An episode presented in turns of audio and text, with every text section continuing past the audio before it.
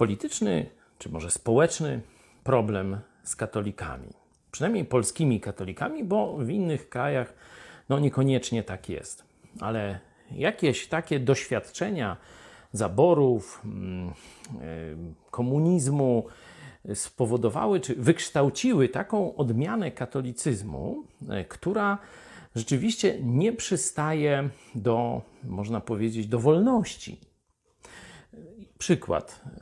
Wiecie Państwo, że nie tak dawno, dwa tygodnie temu, no, jakiś bandzior z takich katolickich motywacji zniszczył samochód jednego z naszych pastorów, napisał tam wulgarnie je sekty, nie?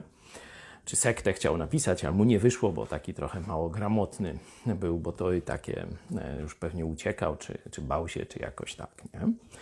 No, oczywiście ogłosiliśmy to, wezwaliśmy i katolików, tam policja, dziennikarze. Mamy przecież przyjaciół w różnych tych zawodach prawniczych, policyjnych, e, dziennikarskich i wszędzie ci katolicy mniej więcej mówili taką samą mantrę. No, gdybyście nie przesadzali, czyli gdybyście nie byli tak ostrzy w swoich wypowiedziach, no to katolicy by was nie atakowali. Jak Państwo to oceniacie? To też jest test, test dla Was. Czyli katolik myśli tak: jeśli ktoś się ze mną nie zgadza, no to jeszcze pół bidy może być, dam mu żyć.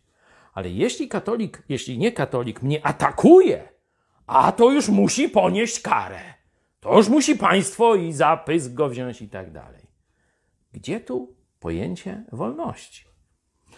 Dopóki katolicy nie zrozumieją, co to znaczy naprawdę wolność, że to jest także prawo krytykowania mnie, nawet ostrego, dopóty będziemy mieli państwo niewolnicze.